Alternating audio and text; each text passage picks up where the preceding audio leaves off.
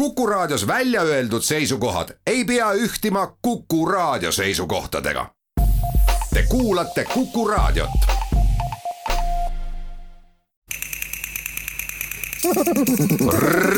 reisirada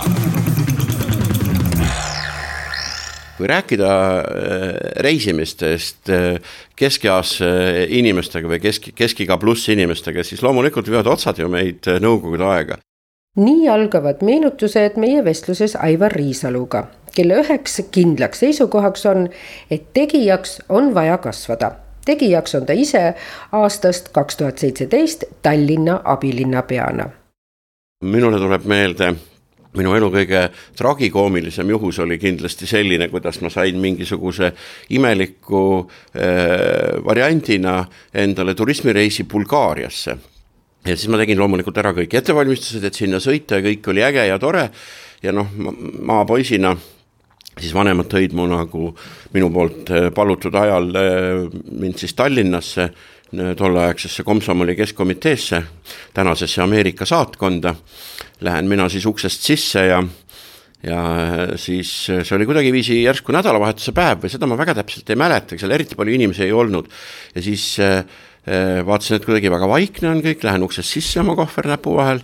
ja, ja, ja siis lõpuks ma sain mingi proua käest teada, et kuulge, aga see grupp sõitis juba eile ära ma ütlesin, mis mõttes sõitis eile ära. selgus, et äh, noh, tollel ajal ei olnud ju ei email'e ega Facebooki ega mitte midagi. ja mingil kummalisel kombel mulle saadetud kirjas, mis siis nagu kinnitas seda ärasõidu kuupäeva, mis siis tuli ilmselt äh, tolle aja tavade järgi siis kas postiga või noh, pigem siis postiga siiski, oli pandud vale kuupäev. ehk, äh, ehk mina jäin sellest grupist maha noh, tunduski naljakas, loomulikult see oli ju personaalne kiri, järelikult neid siis kõiki ükshaaval äh, justkui kirjutati ja, ja siis sama targalt ma marssisingi tagasi koju, äh, aga noh, ütleme tollel ajal ju ikkagi sellisele keskkoolilapsele see oli nagu suhteliselt suur tagasilöök sellel lihtsal põhjusel, et et noh, ma arvan, et peale Saksa Demokraatliku Vabariigi ma polnudki tolleks hetkeks eriti kusagil käinud ja niimoodi lihtsalt siis nagu teada saada, et teised juba läksid ei olnud väga tore. ja teine naljakas juhus, mis nõukogude ajast mulle meelde tuleb, oli see, et see oli juba niisugune nõukogude aja lõpupoole ja kuna siis ähm, üliõpilastena äh, me ju kõik lõime aktiivselt kaasa Eesti üliõpilaste ehitusmalevas, mõnel lihtsalt kestis see Äh, kestis see protsess palju-palju äh, kauem äh, kui teistel ja mina olin üks nendest, kellel see protsess siis nagu aegade lõpuni nagu ära ei lõppenud. minul venis siis see Äh, üliõpilasmalevas käimine nagu väga pikkade aastate peale, ehk äh, minu jaoks lõppes äh, üliõpilasmalev ära aastal tuhat üheksasada üheksakümmend üks, siis kui ta tegelikult ka sisuliselt Eestis ära lõppes, sest ühiskonnakord muutus. aga sellega seoses tuleb mulle meelde küll kõige naljakam lugu, kuidas me, ma arvan, et ta ei, ei anna, annab mulle andeks, kui ma teda nimeliselt ära nimetan, ehk tänane Pärnu haigla peaarst Urmas Sule ja mina saime siis kahekesi võimaluse sõita eh, välisrühma Hollandisse mingil kummalisel kombel. Ja kuna keegi noh, olid juba sellised kummalised ajad, et noh, meil oli nagu suhteline vabadus, ma arvan, see võis olla kaheksakümmend kaheksa järsku eh, või kuskile sinnakanti. Ja ütleme siis niimoodi, et noh, meie teadsime, et me peame sinna jõudma selleks kuupäevaks ja kõik oli nagu äge, mingisugust erilist jama ei olnud. aga viisa tuli saada Moskvast ja meie siis, äh, kodanik, äh, lugupeetud doktoriga istusime Tallinn-Moskva rongi ja noh, need inimesed, kes teavad, mis asi oli rongisõit nõukogude ajal, saavad must väga hästi aru. Mm, äh, istusime Moskva rongi, noh, heatujulised sellised ja seal me kohtusime kohe ühe Moskva ülikoolis õppiva rahvusvahelise selts-, ühes mingis Moskva ülikoolis õppiva rahvusvahelise seltskonnaga, kus seal ma selgelt ma mäletan, oli üks Kuuba poiss, siis üks hästi ilus tüdruk Egiptusest, kelle ema oli vist siis venelanna ja isa egiptlane või kuid-, kuidapidi ta seal oli, seda ma väga täpselt enam öelda ei oska. ja, ja seal oli veel mingisuguseid inimesi ja loomulikult noh, meie siis nagu öeldakse, mina juba sellise nagu natukene küpsemas eas, mitte päris üliõpilasena. doktor ka loomulikult mitte. aga, aga siis nende üliõpilastega seal me leidsime loomulikult hästi kiiresti ühise keele ja ütleme niimoodi, et see rongisõit kulges meil väga kelmikalt, selles mõttes, et ma arvan, et meid üsna mitmes jaamas taheti välja tõsta, aga aga seda me loomulikult sundida ei lasknud, küsimus ei olnud mitte alkoholis, vaid küsimus oli selles, et meil oli lihtsalt tore olla ja siis me äh, lugupeetud doktoriga jõudsime siis Moskvasse kohale ja siis meil tekkis nagu esimene tagasilöök, et aga me unustasime ju küsida, kus kohas Moskvas asub üldse Hollandi saatkond. seda me ei teadnud. No mõtlesime siis, et noh, saame hakkama, küsitlesime siis möödakäijaid või mida iganes me seal tegime ka, täpselt enam ei mäleta ka. ja siis lõpuks me saime sinna Hollandi saatkonna juurde siis kuidagiviisi kohale ja seal, seal oli selline inimjärjekord noh, ikka selgelt nagu Lenini mausoleumi noh, ehk, ehk väga-väga palju inimesi seisis järjekorras. ja siis me kuidagiviisi, eks me seal järjekorras seistes ka aega nagu ei lasknud ähm, raisku minna, eks me seal ka arendasime erinevaid suhtlusi ja mida iganes, tegime seal põnevusi. aga lõpuks, kui me siis ametnikeni jõudsime siis ma selgesti tean, et äh, meie jaoks tekkis äh, tagasilöök kuidagiviisi, me seda viisat sinna Hollandisse ei saanud. Ja siis me mõtlesime, et mis meist siis nüüd saab, on ju, et kodus kõik teavad, et meid ei ole. Ja ja siis äh, Hollandisse me justkui ka nagu minna ei saanud ja siis noh, mina juba enda puhul millegi üle ei imesta selles mõttes, et äh, minu jaoks oli ju harjumuspärase asjaga tegemist, et ähm,, et ma aeg-ajalt kas ei saa minna või mind ei lasta või mida iganes. ja siis äh, me otsisime need enda üliõpilased uuesti üles ja siis meie malev kestis mõnda aega siis Moskvas ja Hollandisse me ei jõudnudki, siis tulime koju tagasi, ütlesime, et et meil tulid teised tööd vahele, et me töötasime meie suure riigi pealinnas ja ja niimoodi see, niimoodi see Hollandis käik siis ära lõppeski. ehk, ehk selles mõttes pärast seesama seltskond käis meil või minul vähemalt Eestis külas ja, ja see oli päris äge selline noh, niisugune minu jaoks ka selline esimene kontakt siis erinevatest riikidest pärit äh, inimestega. ja aga noh, kahju täna ma ei tea, mis neist, mis nendest saanud on, aga, aga selline äh, põnev lugu minuga aastal ma ei oskagi öelda siis, mil, mida iganes seal kaheksakümnendate lõpus äh, juhtus küll. Moskva tollase suure Nõukogude Liidu pealinn, mille piiril asus tollal gigantiliselt suur Nõukogude imedemaa paviljonidega näituseväljak VDNH, üleliiduline rahvamajanduse saavutuste näitus tänaseks on teda uuendatud paigaks, kus elustatakse nostalgiatunnet tollase Nõukogude Liidu vastu. millised olid sinu elamused Moskva aastatel? Mina võin ennast praegu moskvalaseks pidada, sellepärast et üheksakümnendate alguses ma tänu oma siis erasektori tööle sain seal äh, ikka väga tihti käia. Äh, kuni selleni välja, et mul isegi ühel ajaperioodil oli siis ettevõte, kus ma tööl olin, oli endale rentinud Moskvasse elamise ja, ja ma isegi lausa elasin seal äh, päris palju ka koha peal. ja sellest Moskva perioodist ma võin tuua ühe väga naljaka näite, ma loodan jälle, et persoon annab mulle selle kõik andeks. ehk ähm, aasta tuhat üheksasada üheksakümmend üks, jaanuari keskpaik, väljas on, ma arvan, nelikümmend kraadi külma, korteris, ma arvan, on kolm kraadi sooja, istun mina mantel seljas ja vaatan televiisorist siis äh, Lahesõja nagu otseülekannet, mida siis kummalisel kombel ka tolleaegse äh, ikkagi selles mõistes ju veel äh, Venemaa või parandan, Nõukogude Liidu mingisugune telekanal äh, tegelikult nagu, äh, nagu üle kandis. ja korraga koputus uksele ja ukse peal seisis selline suurt kasvu mees ja ütleb, et tere, et mina olen Tartu Loodusmaja fotograaf Johannes Kärt, et ma kuulsin, et siin pidid elama e-, eestlased, et kas öömaja saaks. ja noh, loomulikult sai öömaja ja siis niimoodi ma sain tuttavaks meie tulevase suure sõjamehe ja tegelikult ühe ühe sümpaatsema kindrali, tulevase kindrali, kes siis tollel ajal töötas tõepoolest ju Tartu loodusmajas, Johannes Kerdiga ja, ja, ja see oli selline hästi kummaline justkui nagu mingisugune niisuguse nagu kõrvalt või kuskilt kõige mingisuguse kõrgemal seisva jõu nagu sõrm, et me siis temaga koos istusime ja ja filosofeerisime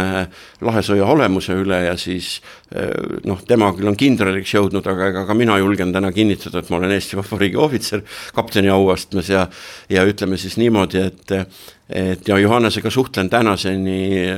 vägagi, aga et, et meie tutvus algas Äh, algas nii kummaliselt, see jääb mulle eluks ajaks meelde, et see on hästi, hästi selline mm, noh, märgilise tähtsusega äh, minu jaoks äh, juhus ja, ja, ja sealt ma alati julgen inimestele öelda, et et väga paljud olulised asjad meie ellu tulevad läbi juhuse. Ja, ja vot, vot selline juhus, et ka minus ärkas selline selline militaarkutsumus ja, ja, ja kõik see, et, et lihtsalt suhtled õigete inimestega ja siis muudab see kõik ka sinu saatust. Reisirada. peale saatuse võivad reisid muuta ka vaadet maailmale, inimestele. Ja sina oled sõitnud mitte ainult ettevõtluse pärast, vaid ka muusikuna oma bändiga me oleme hästi palju muuseas ka oma ansambliga mööda maailma ringi sõitnud, ehk nii kummaline kui see ka ei ole, aga me oleme andnud kontserte Kosovos, Belgias, Soomes, Ameerikas, Kanadas mhm, ja, ja, ja nii edasi ja nii edasi. aga kui me nüüd räägime, noh jällegi juhtus selline lugu, et siis aastal eh, kaks tuhat viis eh, me, me kaks tuhat neli esindasime Chicagos ja eh, Eesti Majas ja siis korraga tuli mehe juurde üks mees. hilisemalt selgus, et see oligi üks väliseesti kogukonna ka selline muusiko, muusikamees. tema nimi oli Peeter, aga ma ta perekonnanime praegu ei suudagi enam öelda, kahjuks on ta meie hulgast lahkunud kurval moel. ja tegi ettepaneku, et või noh, Peter siis tolles mõistes, eks ju, ja tegi meile ettepaneku, et kas te järgmisel aastal ei tahaks tulla Kanadasse. Et meil on siin see Kanada eestlaste suveharja pidu Seedriorus, mis oli siis eestlaste ala seal ja, ja loomulikult meie olime kahe käega nõus, on ju, seda enam, et, et noh, ju tegelikult on hästi tore mm, käia mööda maailma ringi, eriti kui veel midagi nagu teha ka saad. ja loomulikult siis me sinna siis aasta hiljem sõitsimegi ja sealt on mul kaks niisugust hästi ägedat emotsiooni meeles et noh, me andsime Torontos mingi kontserdi, ma mäletan, et Eesti Maja oli linnas, seal ei tohtinud ja siis ma mäletan, et me tegime selle Toronto kontserdi kuskil Läti majas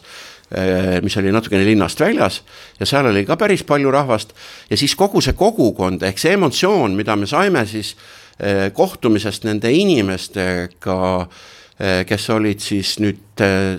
siis piltlikult öeldes noh, nagu Toomas Hendrik Ilvese eakaaslased, eestlastele ütleb noh, Ilves natukene rohkem, ehk seal sündinud inimesed, kes olid ka tegelikult juba eh, nagu küpsesse ikka eh, Äh, jõudnud, ehk olid seal viiekümne tuuris ja, ja natukene äh, siis alla või ülesse. ja siis nende lapsed, mm, kes olid siis tollel ajal, noh, meie olime siis kuskilgi nende ja nende laste vahepealsed, et et äh, see, see oli niivõrd äge tunne, kuidas kuidas ma nägin, kuidas nad seda eestlust hoidsid ja, ja alles hoidsid ja kuidas nad võitlesid natukene positiivses mõttes sisemiselt ka need siis need lapsed Mm, kes olid siis äh, ju inglisekeelses keskkonnas, mõned neist olid siis eesti keele minetanud, aga väga paljud nendest rääkisid väga head eesti keelt ja, ja ütleme, kui me räägime täna nagu kogukonnapõhisest eksistentsist, siis ausalt öeldes mind tegi kadedaks see, kui tore see, see nende nagu kokkuhoidmine ja, ja, ja, ja kui suur oli see see, see võõras või mitte võõras, selles mõttes nende jaoks on ta ju ka teatud mõttes kodumaa, aga ikkagi selles keskkonnas äh, nagu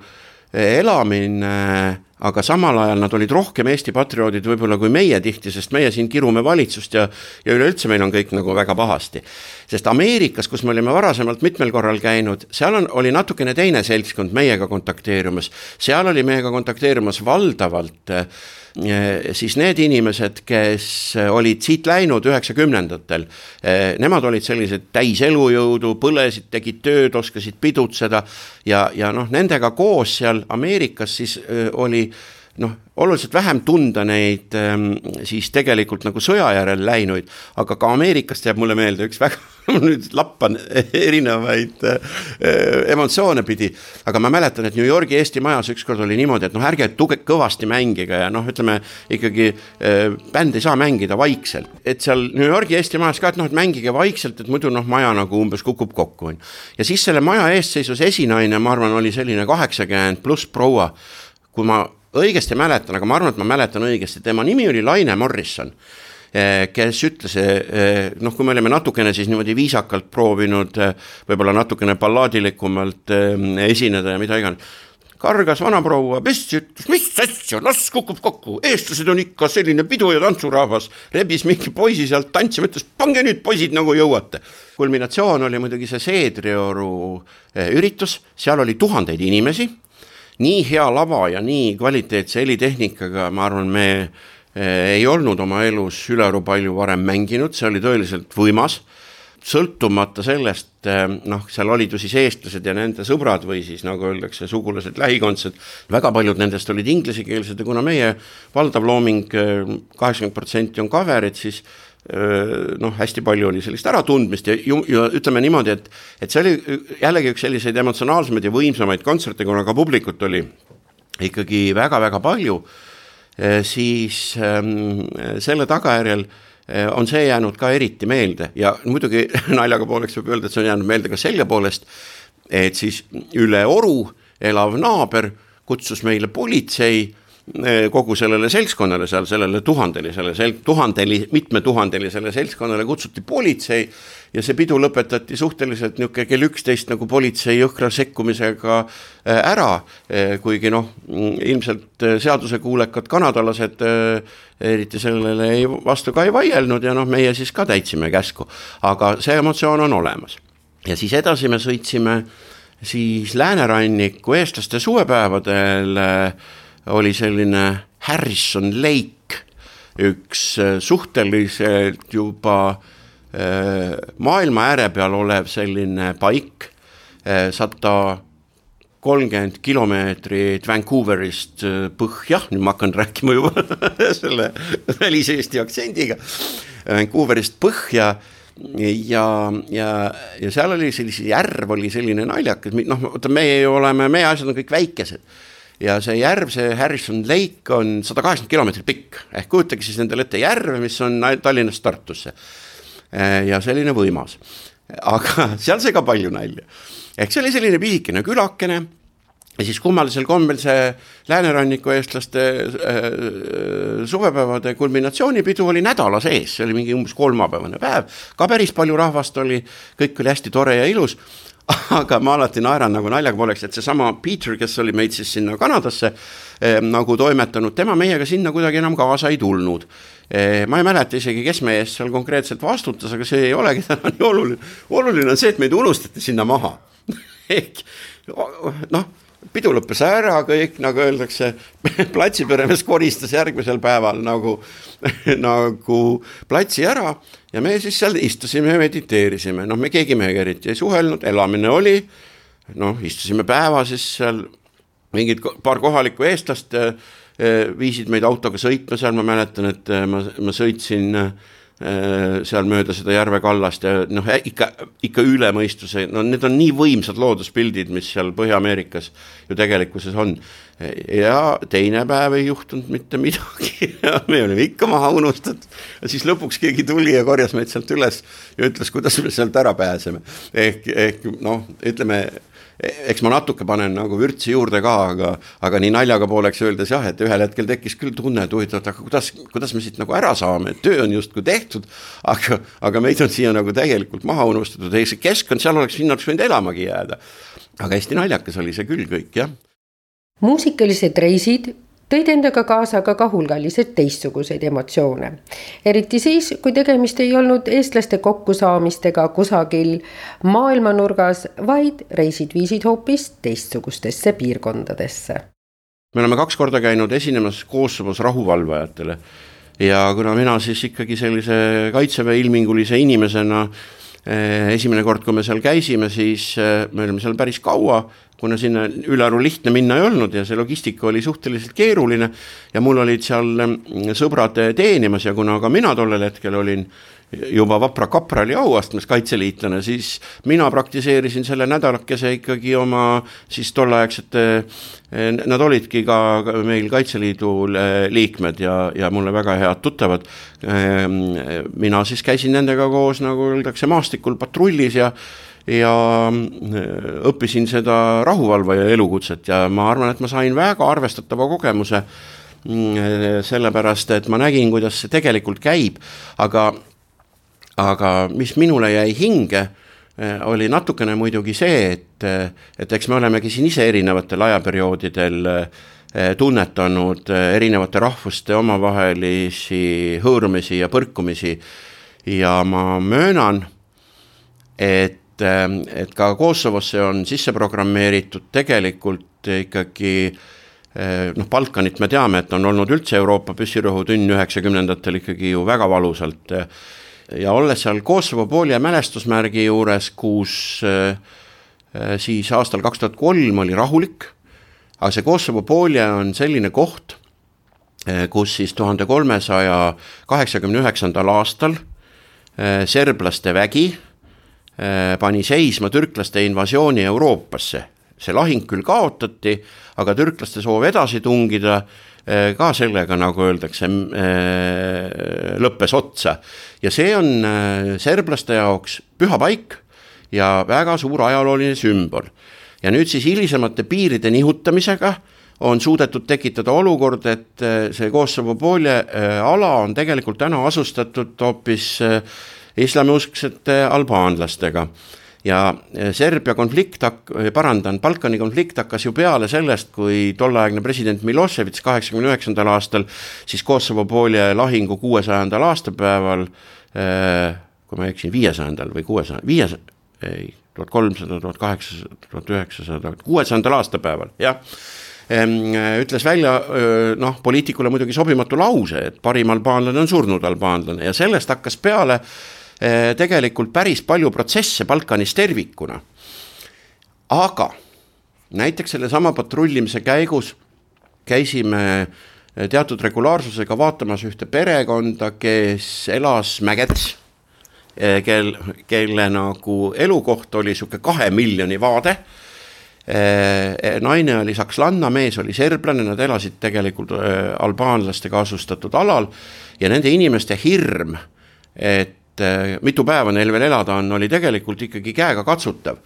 ja, ja kui sa siis mõtled kõikide nende asjade peale, et, et äh, kuidas ajalugu, rahvaste rändamine, erinevad poliitilised otsused, piiride vedamised ja asjad löövad tegelikult äh, lõhesid, siis see on päris, päris traagiline. ja, ja nüüd ma teen poliitiliselt ebakorrektse avalduse, aga, aga mina näiteks kehitan tihti õlgu, kui ma ikkagi selle Kosovo vot Albaania on ju riik, seal elavad albaanlased, Kosovo on äh, ajalooline Serbia osa, kus elavad küll albaanlased etniliselt, aga no see on natukene nagu Leedu-Poola konflikt ju Vilniuse piirkonnas aastakümnete jooksul. ja, ja nüüd Euroopa Liit nagu üheselt identifitseerib selle selgelt ära nagu, et see ajalooline Serbia ala on nüüd nagu iseseisev Kosovo riik. et, et ma, ma, ma täiesti mõistan serblasi, et see neile ei meeldi ja minu teine äh, samasugune käik sinnasamasse Kosovosse siis samamoodi äh, bändiga oli kaks tuhat neli, kus olukord oli täielikult muutunud. Äh, sisuliselt valitses seal erakorraline seisukord, me esinesime ruumis, väljas ei saanud enam midagi toimetada. Ja, ja noh, nii vähe või palju, kui mul õnnestus aru saada, aga, aga aga mulle noh, vilksamisi prooviti nagu selgeks teha, et vot seesama perekondki või see piirkond, mille kohta ma siis proovisin nagu eraldi, eriti küsida, et neid enam elavate kirjas ei olnud, ehk nemad siis olid ikkagi nagu selle etnilise konflikti käigus ära kustunud. ja seal vahepeal oli siis, kui Läti rotatsioon oli, me käisime jällegi, kui emotsioon, emotsionaalsetest kontsertidest rääkida, siis see põhibaas oli Mitrovitsas, ei issand jah, Mitro, Mitrovitsas, aga üks eestlaste rühmasuurune üksus oli kolme, kolmkümmend meest olid äh, siis äh, täiesti maastikul ühes kindlustatud kontrollpunktis, mis siis lahutas serblaste ja albaanlaste ala. Ja siis neile me laulsime täiesti naturaalpillidega, naturaalselt telgis, sest elektrit meil ei olnud. Noh, elekter käis generaatorist häda korral ja, ja ütleme siis niimoodi, et see on jällegi üks selliseid äh, kordi, kus sa ikka sõna otseses mõttes nagu piltlikult öeldes kaevikus äh, äh, tegeled loominguga ja noh, minule see hästi sobis, kuna mulle see kõik on südamelähedane ehk, ehk jällegi võib öelda, et see on ka asi, mis kindlasti jääb nagu elu lõpuni meelde. ja selles samas, selle koha nimi oli muuseas nii kummaline, kui see ei ole, selline romantiline koht nagu Banja ehk siis saun eesti keeles. Ja seal olidki sellised kuumaveeallikad, kus oli siis võimalik peaaegu et aasta ringi või suhelda või su supelda. Ehm, eh, mul on üks pilt tehtud, kus mäe seest jookseb välja nagu kuumaveejuga, niisugune väike kosekene ja hästi-hästi romantiliselt ilus koht, aga noh, romantikast oli see kõik ikka väga kaugel, sest need pinged, mis, mis seal tollel ajal valitsesid, olid ikkagi väga-väga suured riigikogulase aeg viis aga veel ühte konfliktsesse paika, nimelt Afganistani. ja sa ütlesid, et ka turism võib mõnede asjade paikapanemisel oma rolli mängida. igal juhul andis Reis ülevaate, mida missioonisõdurid tegelikult üle elavad. olles äh, ka iseenda, äh, nagu öeldakse, ajaloohuvi ja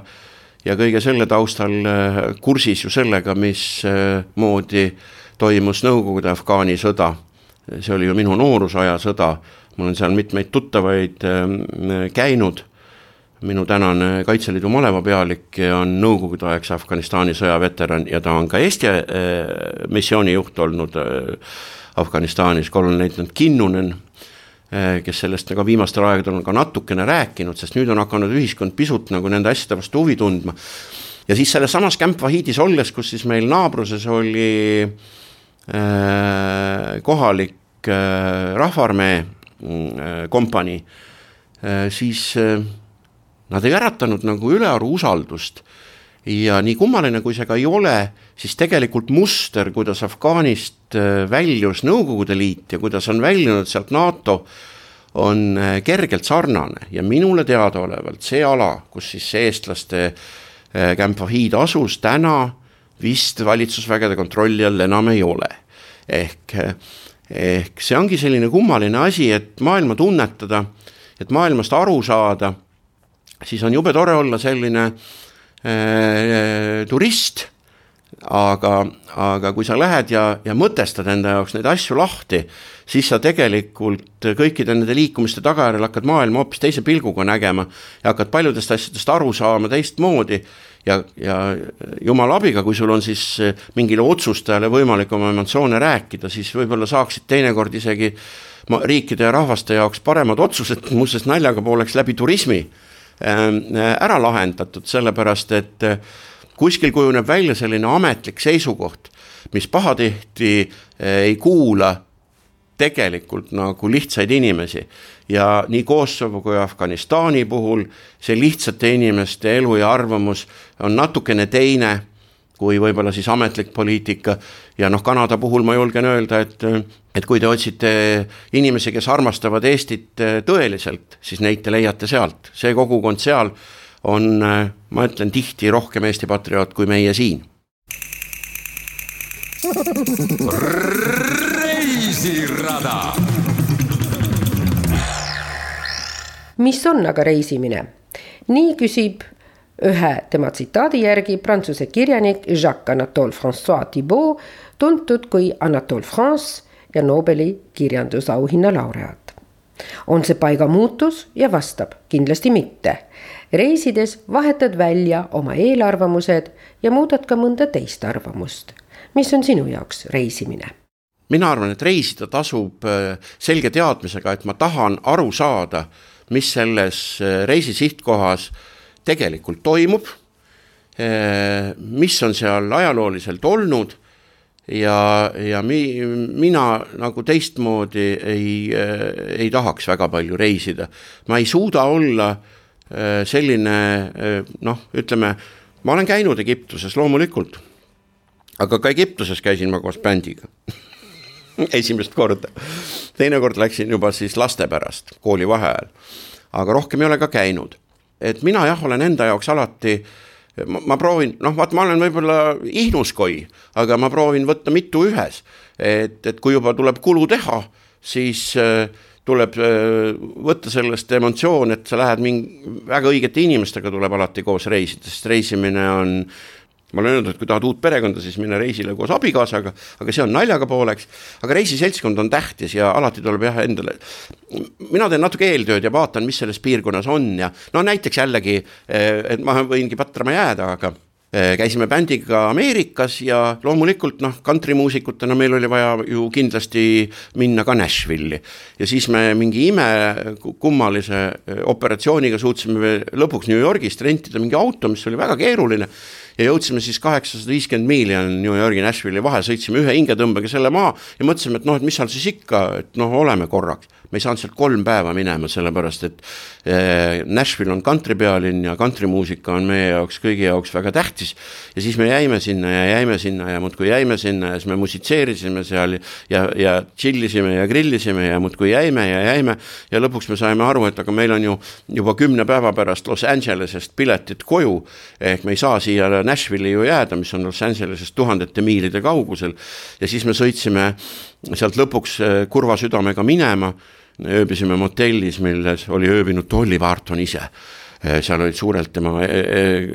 elusuuruses kujud ja pildid ja asjad. Ja siis me sõitsime läbi kontinendi, käisime, siis Elvis Presley loomulikult vallutas meid Memphises. ja siis me jõudsime alla Houstonisse ja siis jõudsime ära käia veel igal pool. Ja siis jõudsime lõpuks Grand Canyonisse ja Las Vegasesse ja siis lõpuks ikkagi jõudsime õigel ajal ka Los Angelesse, et sealt siis koju lennata, et sellised emotsionaalsed bändiga koos reisimised on olnud minu jaoks nagu hästi ägedad, sõidad mööda seda lõputut avarust ja siis lihtsalt mõtled, et et noh, vot nii ongi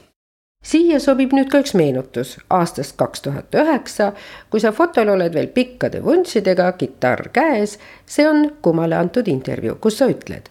ma ei ole kunagi häbenenud tunnistada, et mul on üks eesmärk elus. proovin teha kõiki asju nii, et see oleks mulle kasulik ja kui see on mulle kasulik, on see ka kasulik mind ümbritsevatele inimestele. ja ansambel Meie mees on olnud kõige suurema kapitali efektiivsusega projekt. kui on tahe midagi ära teha ja ollakse valmis panustama aega, leidma raha ja peas on ka hea idee, on sinu soovitus alustada oma äriga. eriti hea, kui saate selleks teha oma hobi. sinul kestis hobi ja töö ühendus tervelt kakskümmend kolm aastat ja sellega ka reisid koos bändiga. jah, see algas aastal tuhat üheksasada üheksakümmend seitse jällegi puhas juhus, nagu meie elus on hästi palju rolli juhustel. Äh, minu hea üliõpilasmalevakaaslane tuli minu juurde ütles, et, et äh, oleks vaja natukene tehnikat soetada. mina ütlesin selle peale, et tehnikat võib ju soetada, aga mis sa selle tehnikaga peale hakkad ja ütleme nii, et tema bänd, tegelikult tolleaegne bänd Beargrass mängiski Bluegrassi ma olen tohutu Bluegrassi fänn muusikas on äh, mõistlik äh, teha seda, mis publikule meeldib. ja, ja ausalt öeldes siis natukene istusime,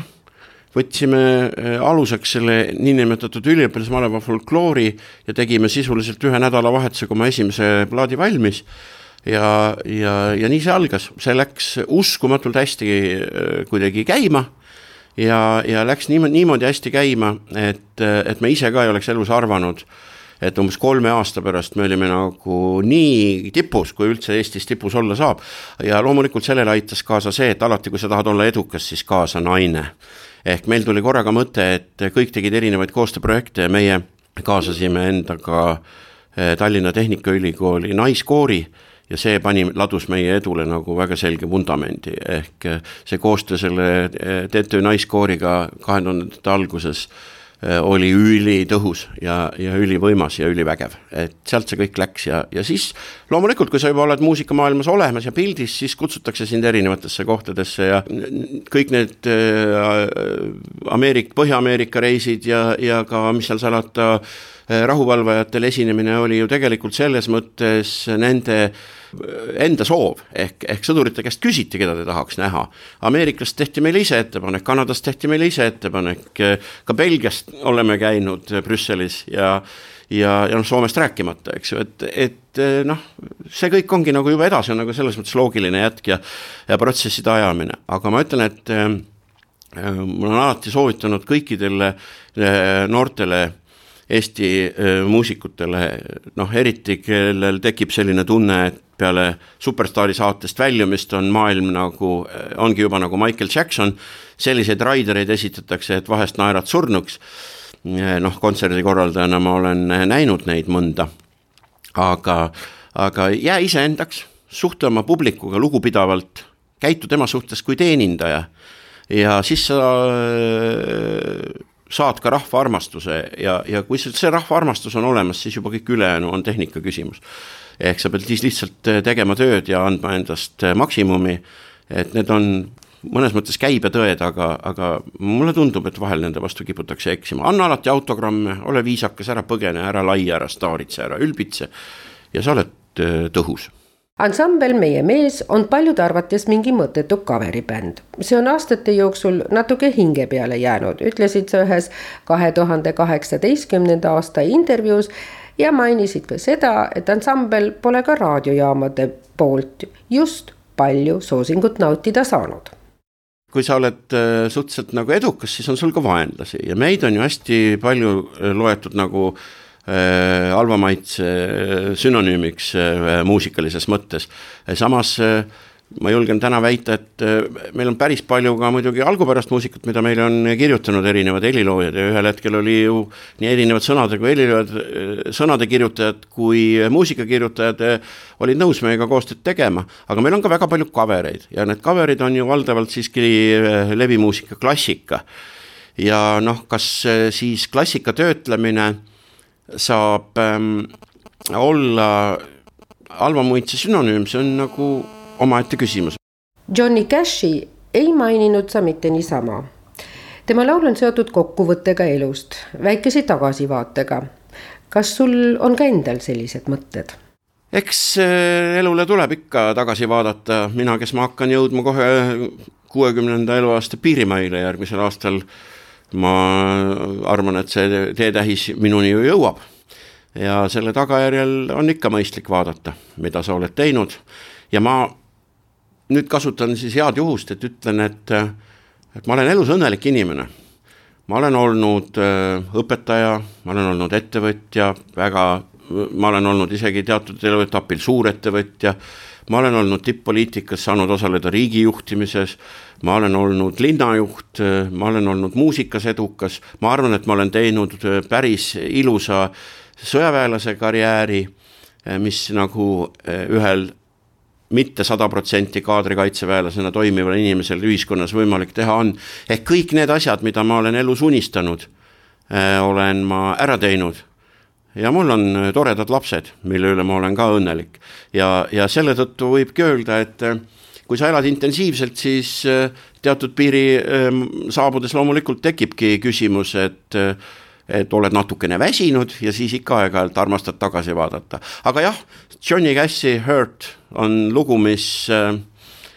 äh, räägib äh, natukene ka minust. saate tehnilise külje eest vastutas Veiko Rebane.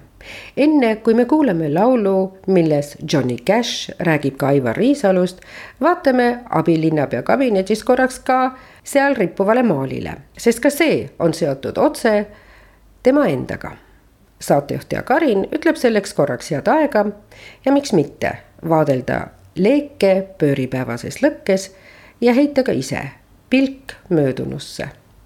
saade jääb kuulatavaks Kuku podcasti. Need öökullid, rahvusvärvides öökullid, see on minu eh, abide ja eh, nõunike kättemaks mulle, et nad arvavad, et ma pidavat tark olema ja,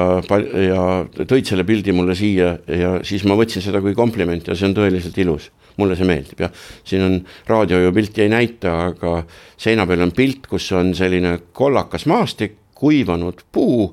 ja kuivanud puu uksel, okstel istub kolm rahvusvärvides öökulli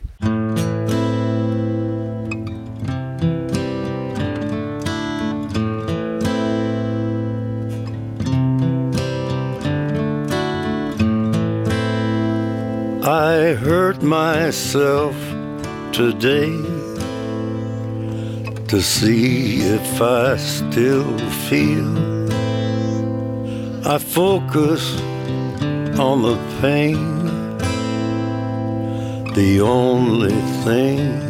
that's real. The needle tears a hole, the old familiar sting. Try to kill it all away, but I remember everything. What have I become? My sweetest friend. Everyone I know goes away in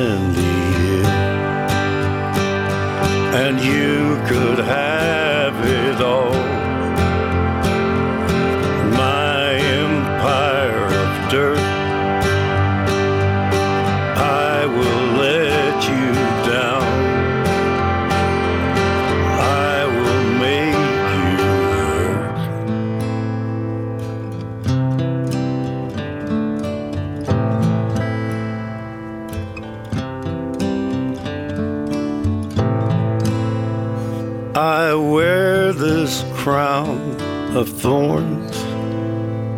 upon my liar's chair, full of broken thoughts I cannot repair. Beneath the stains of time, the feelings disappear. You are someone else. I am still right here. What have I become? My sweetest friend. Everyone I know goes away in And you could have it all. My empire of dirt. I will let you down.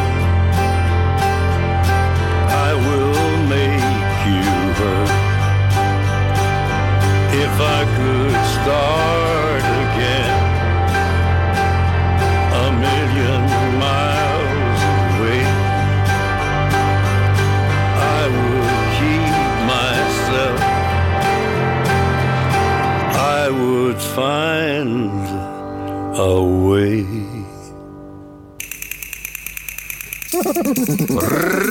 reisirada